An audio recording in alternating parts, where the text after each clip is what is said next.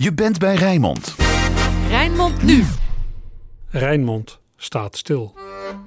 Verhalen, analyses en persoonlijk commentaar. En vandaag staan we stil bij iemand wiens naam de gemiddelde luisteraar van Radio Rijnmond vermoedelijk vrij weinig zegt. Chris van Dinteren. Toch was deze pianist, componist en dirigent uit Rotterdam voor de oorlog vrij bekend in het vaderlandse amusement. Hij heeft bij heel wat geluidloze films muziek gemaakt, talloze artiesten begeleid en liedjes van zijn hand zijn door een bonte verzameling aan zangers en zangeressen op de plaat gezet. Artiesten wier naam ook al zo goed als vergeten is. Nou, met uitzondering van Louis Davids en diens zus Heintje Davids misschien. Die namen komen zo meteen voorbij in het verhaal dat Adriaan van het Woud vertelt, de kleinzoon van Chris van Dinteren. Van het Woud is min of meer in de voetsporen van zijn opa getreden. Hij is ook de muziek ingegaan. Zo heeft hij meer dan 30 jaar als altviolist gespeeld in het Radio Philharmonisch Orkest. Na zijn pensionering heeft hij zich verdiept in het leven van zijn zo goed als vergeten opa. Wat heeft geleid tot een soort levensschets op papier. Mede aan de hand van die schets is Roland Vonk laatst samen met Adriaan langs het leven van Chris van Dinteren gegaan. Het gesprek heeft Roland aangekleed met oude muziekfragmenten. Hier en daar hoort u Chris een zanger begeleiden aan de piano. Op andere plekken staat hij voor het begeleidende orkest. En er zijn fragmenten van liedjes waarvoor Van Dinteren de muziek schreef. De montage begint met het grootste muzikale succes van Chris van Dinteren: het lied Hittepetit dat de gemiddelde luisteraar ook niet zou kennen. Het is de opmaat voor een uitstapje met de tijdmachine naar de dagen van de stomme film, de 78 toerenplaat en de radio als opkomend medium.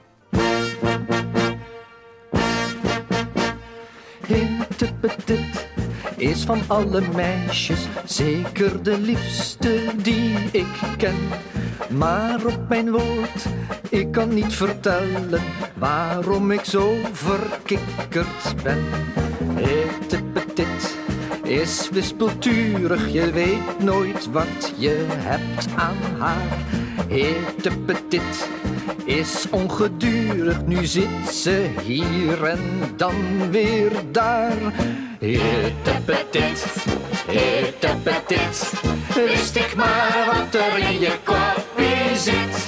Hittepetit, hittepetit, wist ik maar wat er in je kopje zit. Adriaan van het Woud. Ik ben bij je langs in het fraai gelegen Soest. Vanwege een uh, telefoontje dat ik laatst kreeg naar aanleiding van een uitzending. Ik draaide toen uh, het nummer Goocheme Sally in de uitvoering van Louis Davids. En ik zei erbij, nou dat is, nou, naar grote waarschijnlijkheid heeft hij dat gekocht van de Rotterdamse cabaretier Harry de Wolf met auteursrecht en al. In de uitvoering van Sylvain Pons? Ja, ook bijvoorbeeld. Ja, ja. En Louis Davids heeft het zelf ook gezongen. Maar die Davids heeft dus een liedje gekocht van een ander, zijn eigen naam erbij gezet. Toen werd ik opgebeld naar aanleiding van die uitzending door een mevrouw. Die zei, nou, bij mij in de familie is ook zo'n soort verhaal. En dat gaat dan over Chris van Dinteren, naam die ik wel ken, een muzikant uit Rotterdam. Al van lang geleden, geboren in 1874. En die zou ook wel eens liedjes aan Davids hebben geleverd, zonder dat zijn eigen naam erbij kwam te staan. Nou, en toen via dat is een nicht van je die mij opbelde. Aangetrouwde nicht. Aangetrouwde nicht. En die zei, nou, Adriaan van het Woud, die weet het hele verhaal. Tenminste. Ja, het is een verhaal wat speelde in de familie. Het is overgeleverd aan mij. En dat verhaal luidde als volgt. Het was gebruikelijk dat op maandagen in Amsterdam op het Rembrandtplein bij Schiller een muzikantenbeurs was. En daar kwamen alle uh, mensen die er belang bij hadden, uh, de, de, orkestleiders, de componisten, de, de muzici die een nieuw engagement zochten, die kwamen daar bijeen. Want maandag waren de restaurants gesloten, was er geen muziek. En iedereen moest dus kijken dat hij voor de maand daarop of twee maanden daarna als het engagement afgelopen was, weer aansluiting had. Aansluiting, dat was het toverwoord in die tijd. Je had een contract voor een maand of twee en dan moest je zien aansluiting te krijgen. Nou, anders zat je een tijdje werkloos thuis. Ja, en, maar in die tijd was er heel veel werk, omdat uh, de restaurants en de hotels, die hadden ensembletjes, uh, grotere, kleinere. En uh, er moest dus brood op de plank komen. En die, die, functie die die artiestenbeurs had in Schiller, had je in Rotterdam ook. Daar was het bij Charlie Stok. Ik weet niet of je er wel eens van hebt gehoord. Maar daar kwamen dan ook steeds allemaal muzikanten samen. En ja, daar werd ook gewoon werk verdeeld. Ja, nou in die tijd uh, werkte mijn grootvader Chris van Dinteren in Amsterdam. En kwam daar vaak in contact met Louis Davids. Ze kenden elkaar. En bij die gelegenheden um, is het gebeurd dat uh, Louis Davids zegt: uh, Chris, want zo heette die in de omgang onder de artiesten.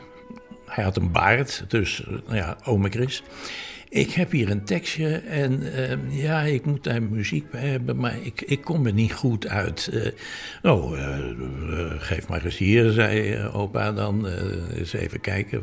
Oh, ja, een leuk, leuk tekstje.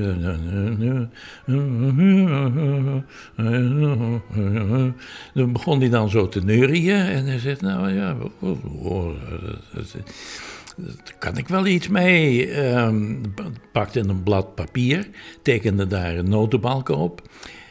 Krabbelde een schetsje van een refrein van, nou ja, als je het uh, zo zou doen, dan, uh, ja, dan wordt het wel wat. En dan een paar boekletten erbij.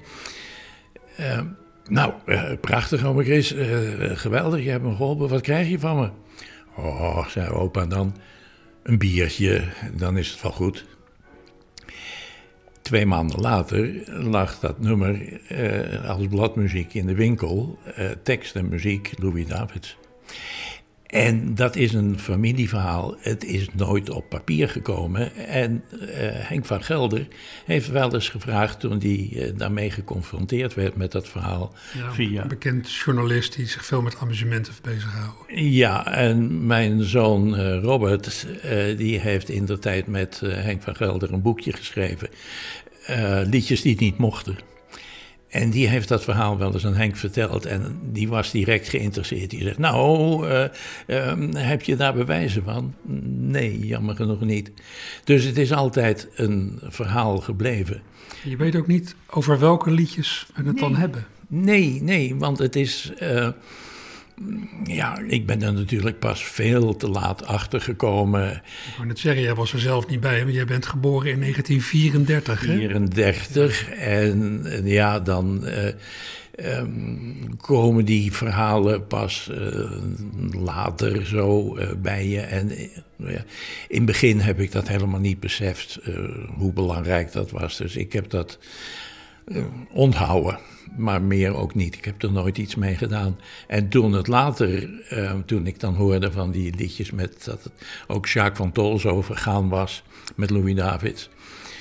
Uh, ja, toen kwam dat weer eens boven. Maar om welke liedjes dat ging, nee, ik zou het niet weten. En ik kan het ook niet meer aantonen. Maar weet je nog wel welke tijd het ongeveer geweest moet zijn? Nou ja, in de eerste plaats uh, voordat hij overleden is. Dus ja. dat, dat um, hij is in 44 overleden. En Louis Davids in 39, dus nou, lang daarvoor. Dan, uh, dan is het dus in de uh, ergens midden dertiger jaren. En dat is ook wel de populariteit van, van Chris van Dinteren, want dat heeft zich uh, voornamelijk afgespeeld uh, tussen 1907 en uh, ja, 1944. En daar is dan dus een tijd in Rotterdam, in Amsterdam, in Berlijn en later Den Haag en Amsterdam. heeft hij dat verdeeld over verschillende bioscopen en theaters. Je vraagt op een bal naar een meisje ten dans. De Engelse, sir, I'm so sorry. But for the next foxtrot already engaged, en dan vraag je een ander, don't worry. La petite Montmartre is lang niet zo bleu. Die zegt, mon type en dansant de mon vieux. En in Surabaya zegt menige vrouw, wanneer je er vraagt soms, adult die dan mal. En die van Berlin sagt, zo'n Forster ist schön, aber ein Schieber, mein Freund, ist mir lieber. Die Wienerin tanzen wie ein Walzer vom Strauß. Mein Blut pocht, ich bin ganz in Fieber. En in de Jordaan, nee, ik dans niet meer her. Wel strak iets, u ziet dat ik zo transpireer. De meisjes uit de Wenen, die hebben dikke benen. De meisjes van Berlijn, die zijn wel aardig om te zien. De meisjes uit Londen heb ik altijd leuk gevonden. Maar de meisjes van de Amstelstad, die hebben wat, die hebben wat. Iets weeks en iets hard, maar ze hebben iets apart. Nog eventjes, jij bent zelf in 1934 geboren. Chris van Dinteren, jouw opa dus, is in 1944 overleden. Dus toen jij iets van tien was of zo. Je hebt hem wel eens ontmoet, meegemaakt? Ja, ik heb hem uh, nog ontmoet. Ik heb daar nog herinneringen aan. Ik zal toen zo'n jaar of acht, negen geweest zijn. Toen uh, woonde hij in en werkte hij in Amsterdam. Zijn vrouw was al overleden. Die was in 43 overleden. Dus het moet ergens in, toch in 44 geweest zijn. En uh, toen had hij al een beroerte gehad, dus hij was niet in goede conditie. En dan ging ik met mijn moeder uh, bij opa op bezoek. En uh, hij kon niet meer praten. En hij moest dus, als hij iets wou zeggen tegen mijn moeder, moest hij dat opschrijven. Maar zijn hand was ook verlamd, dus dat ging allemaal vreselijk moeilijk. En wat ik me herinner was dat hij zich daar vreselijk over opwond. Hij kon zich niet uiten, hij kon niet schrijven. Mijn moeder begreep hem niet. En hij was erg opstandig en sloeg op de tafel. Dat. Dat is de laatste beeld wat ik van hem had. Dus ik, ik zal een jaar of negen geweest zijn. Maar wat was het, het algemene beeld van hem in de familie? Ja, hij werd uh, door de, al zijn kinderen, hij had tien kinderen, waarvan er negen die ik nog heb gekend. Eén is er vroeg overleden, Toon, de cellist. Maar de andere negen, die hebben hem op handen gedragen. Zowel zijn zonen, die allemaal het vak ingegaan zijn, allemaal violist, cellist, bassist, pianist werden. En bij hem in de bioscooporkesten en in de theaterorkesten gewerkt hebben. Hij, hij was enorm uh, hoog aangezien. Maar uh, ja, als, als hij ergens een, een, een, bekend restaurant binnenkwam waar een, uh, een strijkje zat te spelen en hij kwam daar binnen, dan stopte de muziek en dan speelden ze voor hem Hittepetit. Ja, dat is zijn grootste hit geweest. Zijn grootste slager, een, uh, een revue uit uh, die tijd van de twintiger, dertiger jaren. En dat, dat werd door iedereen gezongen, dat werd overal gespeeld. En dat was echt een hit. De is van alle meiden, zeker de liefste die ik ken. Maar op mijn woord, ik kan niet vertellen waarom ik zo verkikker ben. Het is wit zal duren, je weet nooit wat je hebt aan haar. Het is ongedurig, nu zit ze hier en dan weer daar. Is de verdeel, is de verdeel, wist ik maar wat er in je kopje zit. Is de verdeel, is de verdeel, wist ik maar wat er in je kopje zit. Nou, maar je zei nou net, hij was dus een man van aanzien. Ja. En muzikaal eh, heeft hij heel veel waardering geoogd. Hoe was hij als mens?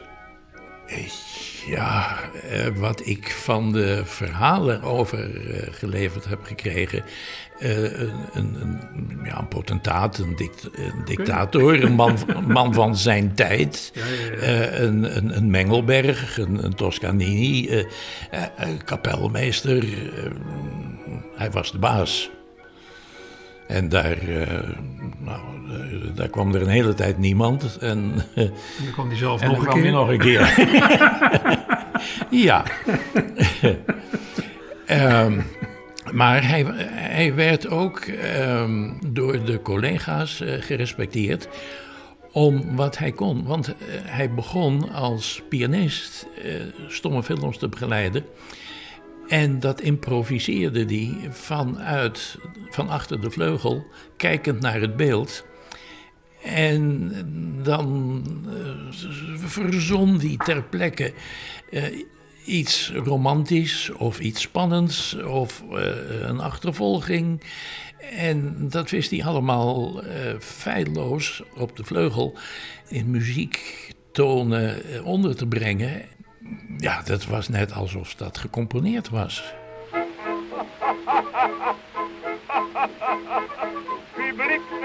Ware tour, steeds met iets nieuws te komen. Daarom heb ik een lachcouplet op een repertoire genomen.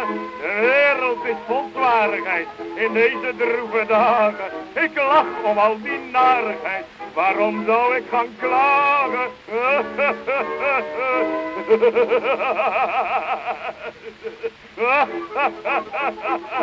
Ik ben een eigenaardige man. Ik leef wanneer ik lachen kan. Ik lach me soms al ben ik arm. Een kronkel in mijn darm.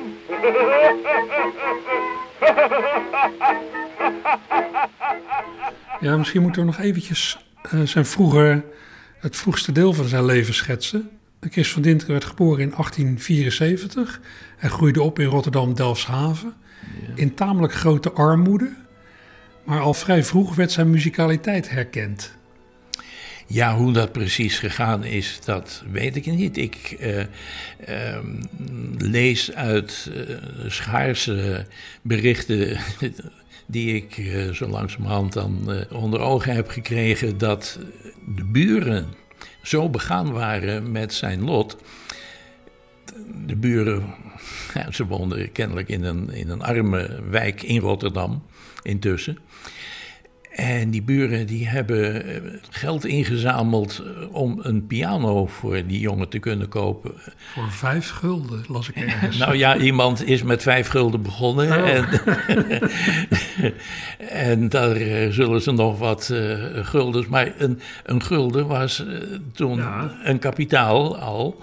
Want eh, de, de VARA-studio in Hilversum, die is later met dubbeltjes en kwartjes bij, door arbeiders eh, bij elkaar gespaard. Zo hebben de buren van Chris van Dinteren, of van zijn moeder, ehm, geld ingezameld om voor Chrisje een piano te kopen. En daar kon hij al heel gauw, eh, heeft hij zijn weg erop gevonden. En als twaalfjarige kon hij al optreden met orkestjes en ensembletjes. Maar dat mocht eigenlijk nog niet. Want eh, daar was hij nog te jong voor. Maar officieel heette het dan dat hij 18 was. Dus hij zal, er, hij zal toen nog geen baard gehad hebben, later wel. Maar hij zal er wat ouder uitgezien hebben en is dus als 12-jarige eigenlijk al het vak ingegaan. Dame bij toevalsavond op de straat. Ze droeg een grote hoed met fleuren, een dikke voile voor het gelaat. Ze noemde mij direct een lief zwaartje. Ik zei je vrouw, mijn haar is bruin. Wat zij toen zei, kan ik niet zeggen, want anders word ik weer te schuin. Ze zei dat alleen zijn zo naar is. Vertelde me dat haar naam Saar is. Ze weet me dat haar woning daar is. Er geen gevaar is, geen man bij haar is. Ik zei toen je vrouw als dat waar is. Mijn bezoek geen bezwaar is. Ja, uiteindelijk is hij in stomme films is die gaan begeleiden, wat je net al zei. Ja. En hij heeft ook allerlei ja, grootheden van destijds, namen die mij wel wat zeggen, maar de gemiddelde luisteraar waarschijnlijk niet, is die gaan begeleiden. Zoals Abraham de Winter, Nico de Haas, de vader van Alex de Haas, Ja. Cretieni. Ja, het zijn allemaal mensen van wie ik materiaal verzamel, maar die inmiddels helemaal zijn weggezakt in de, in de vergetelheid die nou helemaal iedereen treft. Maar hij was al, al vrij snel, op heel jonge leeftijd, zover dat hij toch mensen van naam mocht begeleiden. Ja, mocht begeleiden is leuk uitgedrukt, maar ze vonden het zelfs een eer dat hij dat deed. Want hij, hij, was, hij had zich intussen een, een, een, een naam. Nou ja, in, in die eerste tijd was het inderdaad dat hij dat mocht. Eh, later is hij tot grote hoogte gestegen. Maar we hebben het nog steeds over de jaren eh, 30, 20 en 30 van de vorige eeuw. Ja, nou, ik heb hier een, een uitdraai van eh, alle plaatopnames waar je opa aan heeft meegewerkt. Heel vaak eh, stond hij voor het orkestje of begeleidde hij op de piano mensen. En hij begeleidde dan mensen als eh, Albert Pol, Duo Hofman, Louis Davids, Ja. ook zijn zus Heintje Davids, Maurice Dumas, Kees Pruis, Solser en Hesse, Mau Pistaal. Ja, ook dit zijn weer namen die de gemiddelde Rijnmond-luisteraar niet heel veel zullen zeggen. Maar het zijn hij- grootheden uit die tijd. En, en die uitdraaien van alle opnames waar hij aan heeft meegewerkt. Ik heb, dat zijn hier negen pagina's, dicht bedrukt. Allemaal tussen 1905 en 1925. Hij was wel iemand in dat amusement. Ja, en daar kwam nog bij dat de grammofoonplaat was nieuw. En eh, dat, eh, hij, hij was veel gevraagd. Hij, hij kon ook veel. En eh, zijn naam stond uiteindelijk, als dat eh, dan op de plaat stond, dat was ook een, een verkoopreden om, eh, om, om die plaat aan te schaffen. Want dat, was, dat borgde voor kwaliteit. Net vandaag. Mop en de meisje gingen blij te moe. Met pa en moe naar het raadhuis toe.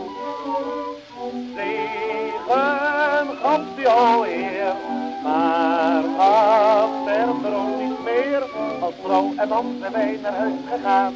Toen heb ik voor Jaan mijn best gedaan. Zo mooi als ik vloog die keer, fluit ik er nooit meer. Op mijn fluitje van drie centen, kon ik grote fluittalenten.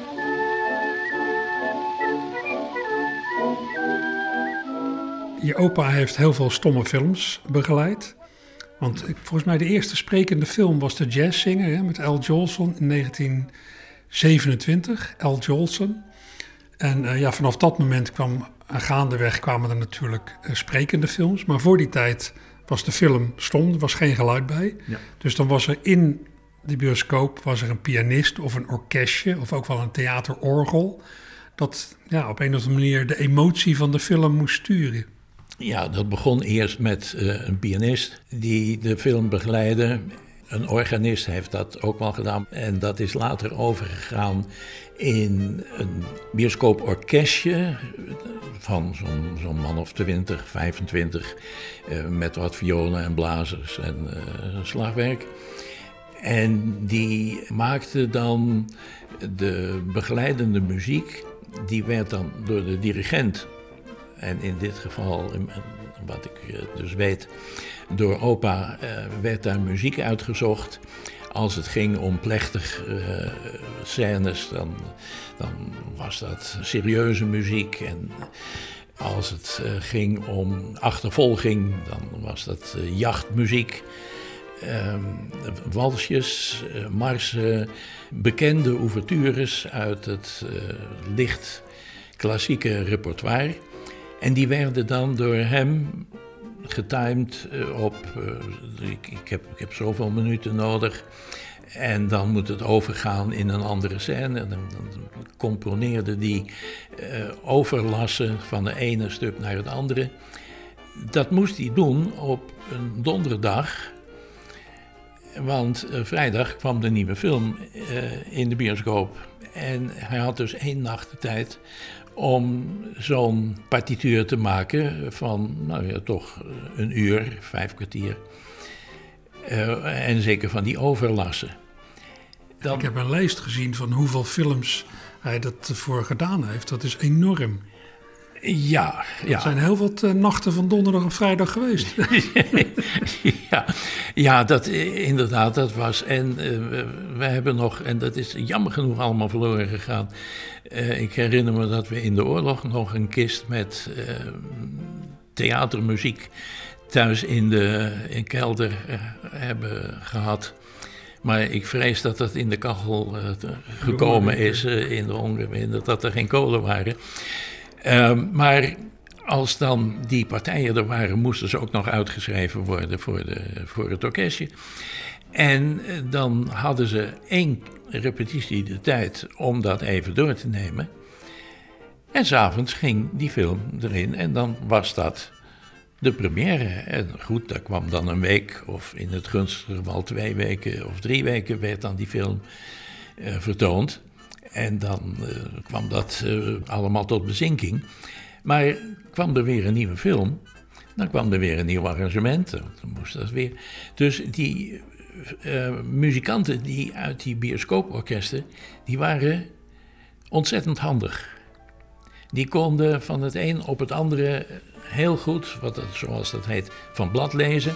Ze hadden een stuk muziek voor hun neus, wisten dat direct om te zetten in klanken. Toen eenmaal de sprekende film kwam en de bioscooporkesten de een na de ander uh, ging verdwijnen, zijn heel veel van die muzikanten naar Hilversum gegaan in de dertiger jaren. En zijn daar terechtgekomen in de orkestjes van de Avro Caro en de VARA. Hallo, hier Hilversum, hier is de VARA. Hier is de omroep van het vrije woord. Hier is de radio der proletaren. Hier is muziek waar ieder graag naar hoort. Ja, want die periodes, dat overlapt elkaar aardig. De, de radio in Nederland kwam op halverwege de jaren 20. Ja. In de jaren 30 groeide dat echt. Ja. Nou, dat, de ontwikkeling van de van de stomme film naar de geluidsfilm, die ging precies andersom in diezelfde tijd. Ja, er zijn um, inderdaad in de, in de jaren dertig is er een zendtijduitbreiding gekomen in Hilversum. Er was veel meer uh, tijd nodig om die zendtijd te vullen. En dat gebeurde niet alleen uh, met praatprogramma's, maar ook met muziek. Dus zo'n uh, VARA-orkest um, en AVRO-orkestjes dat waren orkesten zo, zo ter grootte van 30 mensen. Dus dat, ja, je zou het nu een kamerorkest noemen. Maar ze, ze speelden uh, licht klassiek. Ja, en, en, de norm was destijds live muziek. Ja. En niet grammofoonplaten nee, draaien. Er, werd nog niet opgenomen. Dat, uh, dat ging allemaal uh, live de lucht in. Voor muzikanten was het eigenlijk wel een geweldige tijd, denk ik.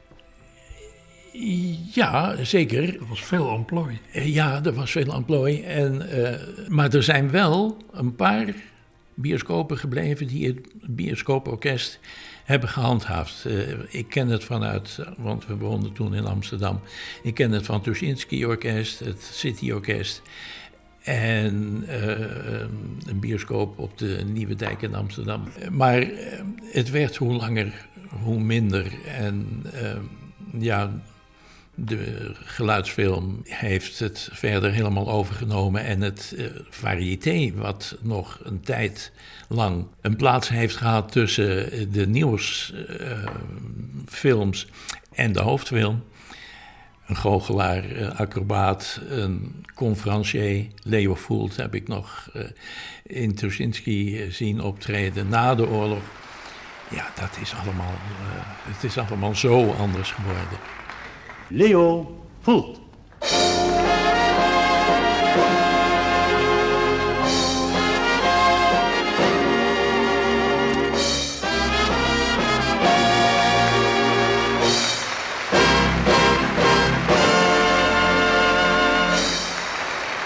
One, two, three.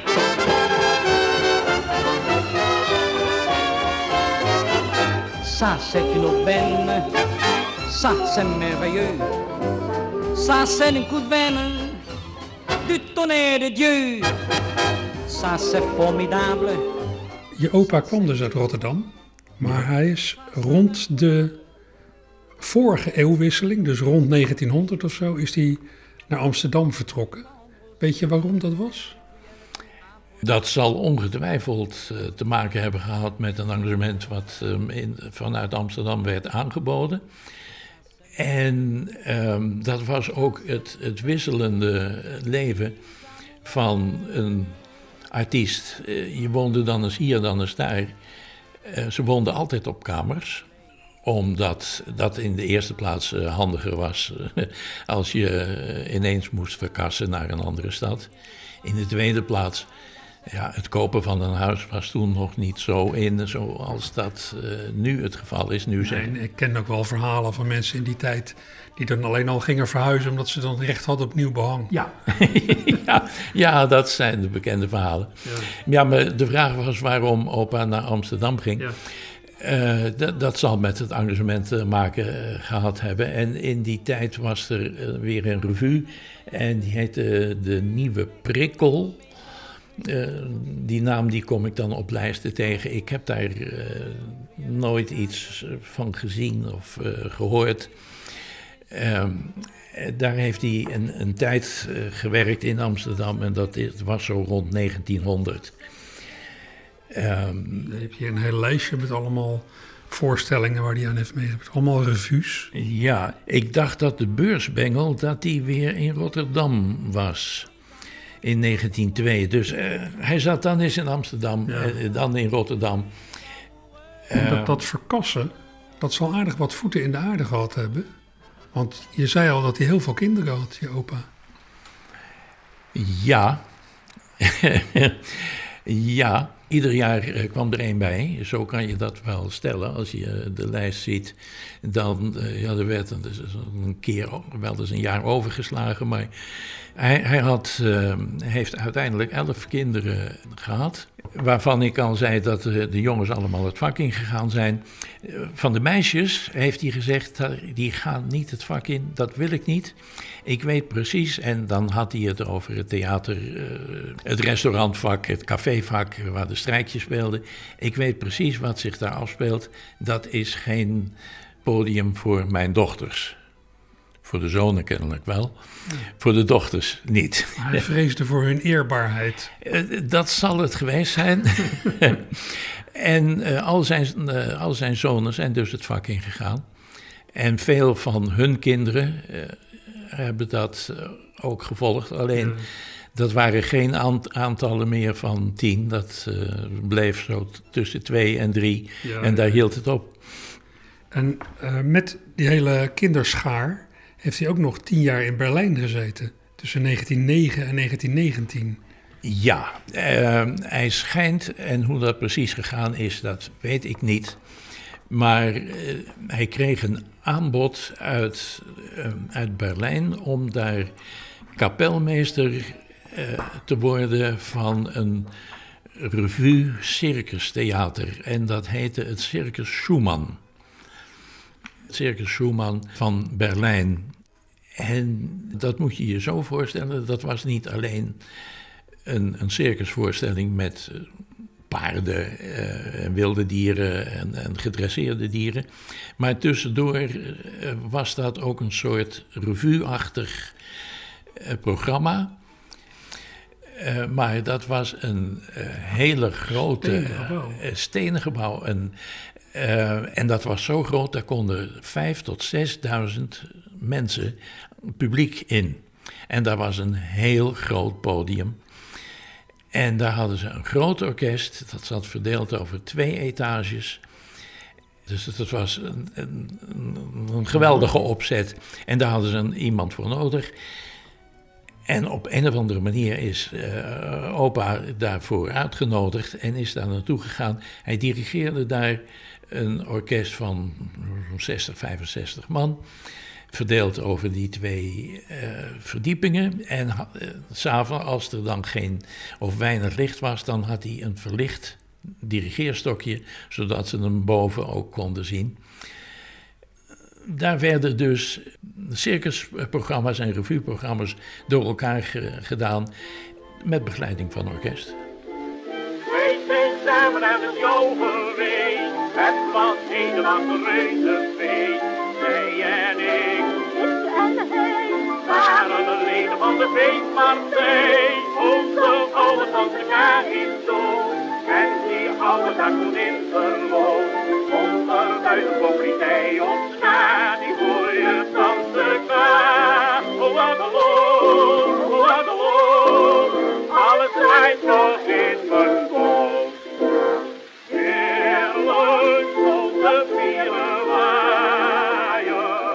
ook nog eventjes één passage voorlezen over die periode. Dat heeft ooit gestaan in een heel mooi eh, verhaal in het blad De Weergever... van verzamelaars van 78 toeren apparatuur en eh, oude muziek. Met vrouw en negen kinderen vertrok Chris van Dinteren van Amsterdam naar Berlijn. We hebben het nu over 1909. De oudste was 15 jaar, de jongste drie maanden. Omdat zij nog te jong waren voor een eigen paspoort, moesten zij worden bijgeschreven in de pas van de ouders. Dat gold voor al die kinderen. Vader Chris had echter bij de geboorte van zoon Jo op 24 december daarvoor wegens drukke werkzaamheden verzuimd bij de burgerlijke stand daar aangifte van te doen en heeft dit ook later nooit meer gedaan. Jo stond dus nergens geregistreerd, had geen geboortebewijs en bestond in feite niet. De ambtenaar van het paspoortenloket, voor die reis naar Berlijn, raakte door alle namen en geboortedata in de war, te meer daar de kinderen naar goed katholiek gebruik meerdere voornamen hadden en dan ook nog deels dezelfde in omgekeerde volgorde. Christian Johannes, Antonius Franciscus Johannes en Hendrik Christian Antonius, Johannes Hendrikus, Jozef Antonius, Johanna Elisabeth, Elisabeth Margaretha Jacobina, Maria Margaretha en Margaretha Elisabeth. Vader Chris loste dit probleem op zijn manier op. Laat mij de namen en geboortedata maar even opnoemen, dan kunt u ze in mijn paspoort schrijven. Zo loodste hij onbemerkt Johannes Hendrikus tussen het kroost. Jo, kom mee op reis. Ja, ja, dat is een van de sappige familieverhalen die ehm, ik dan eh, te horen heb gekregen. En eh, Jo heeft dat jaren vol kunnen houden. Eh, tot in de Tweede Wereldoorlog hij een persoonsbewijs moest hebben om aan bonkaarten te komen. Ja, maar hij bestond niet. Hij bestond. dus toen hebben ze een en ander eh, recht moeten trekken. Maar eh, ja, dat, eh, zo is dat gegaan. Het gaat me niet uit mijn gedachten vandaan. Ik zie nou maar altijd jouzelf. Of je daar zit met het boevenpak aan. Hoe hou je het uit Ik zie voor mijn ogen dat bleke gezicht. Dat hok met die tralies en bijna geen licht. Ik bijt op mijn lippen van woede en pijn. Omdat ik in jaren niet bij jou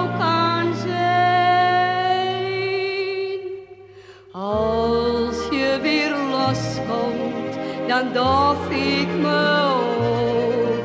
Dan haal ik je weg aan de poort. Als je weer loskomt, dan is het mijn stem die je het eerste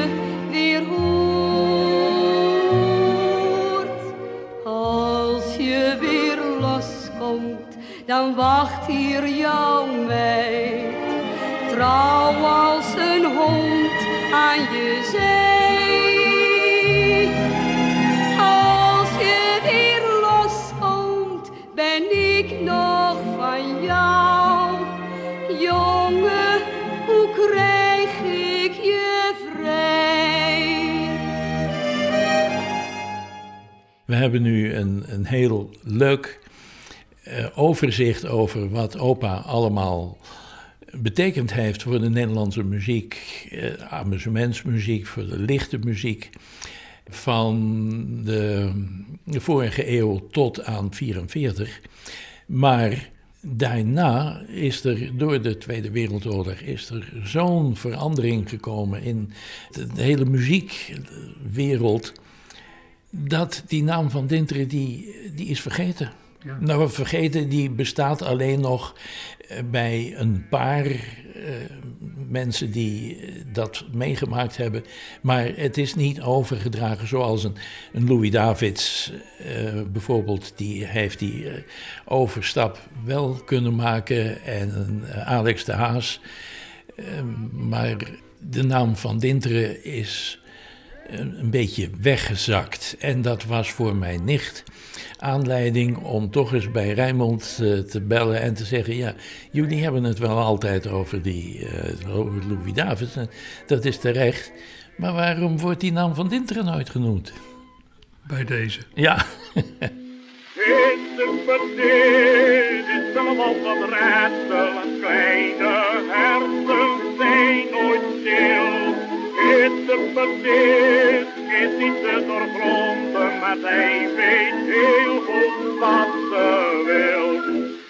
De bedien kan het weinig schelen of men haar slecht wint of wel goed. Maar zij laat heus niet met zich spelen en zij weet heel